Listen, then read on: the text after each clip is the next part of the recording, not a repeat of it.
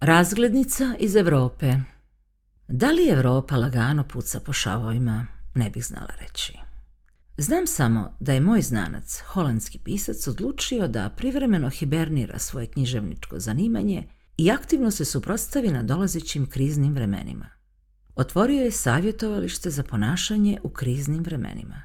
Posao Cvjeta i novopečeni crisis coach ne može se požaliti osim što mu vlastita tranzicija kaže sliči na loš vic.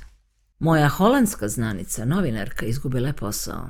Dnevnu sobu u svome stanu preuredila je u kuhinju. Pravi mesne paštete koje prodaje finim restoranima i specijaliziranim dućanima hrane. Posao ide, ne želi se. Jedino što je, kako melankolično primjećuje, konstantno sva u mesu. Izvana, dakle gledano, sve se dobro drži i sve je na svome mjestu. Niti je Venecija potonula, niti se kula u Pizi srušila, pa ipak svako malo negdje pukne neki šav. U pariškom predgrađima podivljaju djeca emigranata i porazbijaju sve oko sebe. Podivljaju mladi u Ateni, a onda krene i sjeverni domino, Vilnus, Riga, Talin. Za mlade i ogorčene učesnike u takvim incidentima mediji koriste riječ huligani. Riječ je, usput rečeno, bila u živahnom opticaju u komunističkim vremenima. Tada su huliganima zvali mladići koji su se šišali kao Elvis Prisli. Evropske huliganske erupcije tretirane su medijima gotovo kao kakva meteorološka pojava, kao iznenadni uragan, na primjer.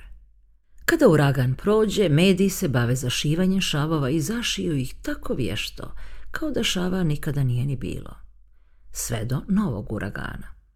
Posjećenost internetskih sajtova koji se bave svjetskom krizom dostigla je, kažu, rating pornografskih sajtova. Ima li ikakve veze recesija s pornografijom, ne znam, ali znam da je Charlotte Roche sa svojom knjigom Wetlands djelovala na njemačke mase kao botoks. Bore zabrinutosti na licima njemačkih građana zategle su se. Svaka zemlja ima svoju Charlotte Roche. Tako obični ljudi načas zaborave na činjenicu da su otpušteni s posla ili na mogućnost da već sutra budu otpušteni s posla.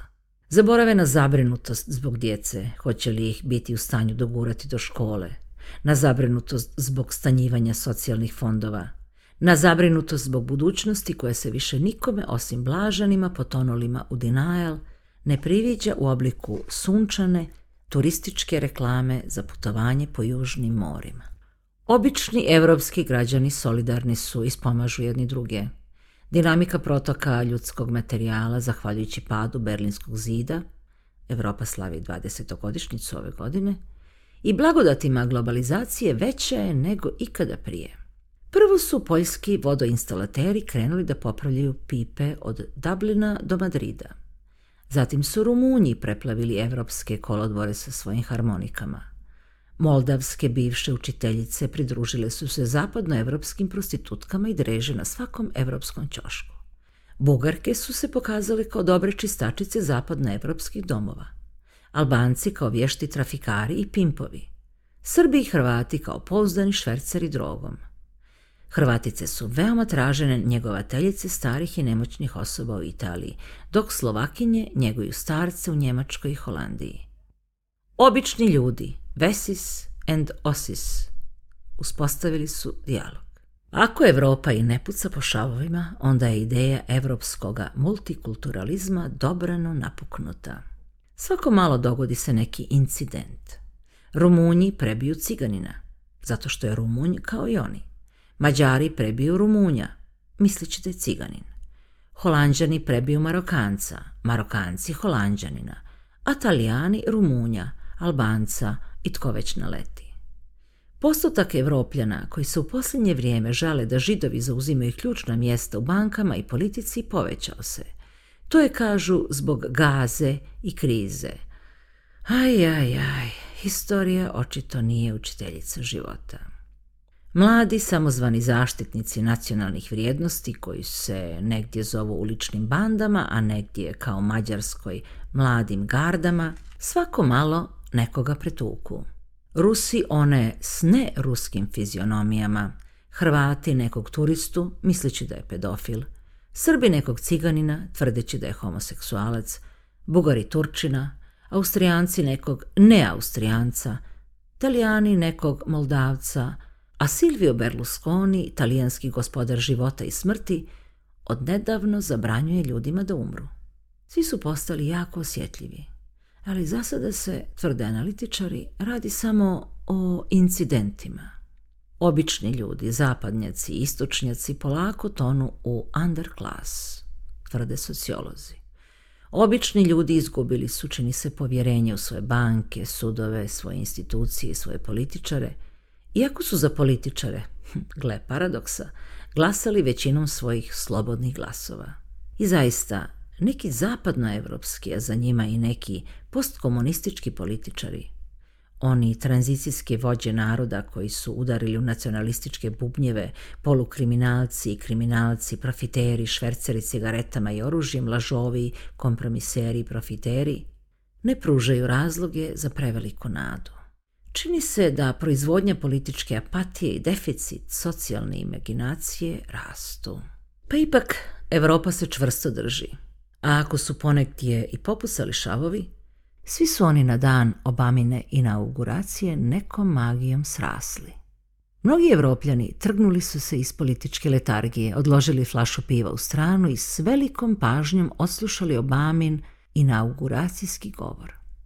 Obama je zakratko ili zadugo uspio ujediniti milijune neevropskih emigranata koji su zakonski građani Europe Francuze, Marokance i Holanđane, Valonce i Flamance, Njemačke Turke i Njemce, Srbe i Hrvate, Katolike, Protestante i Muslimane. Čak su i Slovenci na dan inauguracije Obame načas zaboravili da su s Hrvatima u svađi oko Jadranskog mora. U čemu je trik? Obama je uspio u nečemu što nije uspjelo jednom evropskom političaru. Ljudi su mu povjerovali. Obama je riječi promjena vratio uvjerljivost, riječi nada, ozbiljnost, riječi budućnost, realnost. Obama je prizvao u pamćenje neke zaboravljene vrijednosti. Jedna od njih je pristojnost. S Obamom se mnogi ne samo osjećaju bolje, nego su mnogi i postali bolji. Europa i Amerika povezane su pupčanom vrpcom. U evropskim novinama sve češće nailazim na parafraze naslove Polakova zaboravljenog filma I konja ubijaju, zar ne? Nisam glupa. Razumijem skrivene poruke. Za krizu sam se, kao i moji znanci, pripremila. Kod nekog jugodilera u Amsterdamu koji jugodijasporu obskrbljuje domovinskim prehrambenim proizvodima naručila sam veću količinu konzervi tune. Jadranska tuna je izvrsna, a konzerve su četvrtaste, pljosnate i tanke. S takvima se može napuniti cijela biblioteka – na van evropski klasici Prust, Kafka, Joyce, a iza njih konzerve tune. Baš kao u ruskim domovima za vrijeme komunizma. Na van klasici socijalističkog realizma, a iza njih disidenti. A što se tiče socijalne imaginacije, imam je. Nije presušila. Obama je i moja nada. Veljača 2009.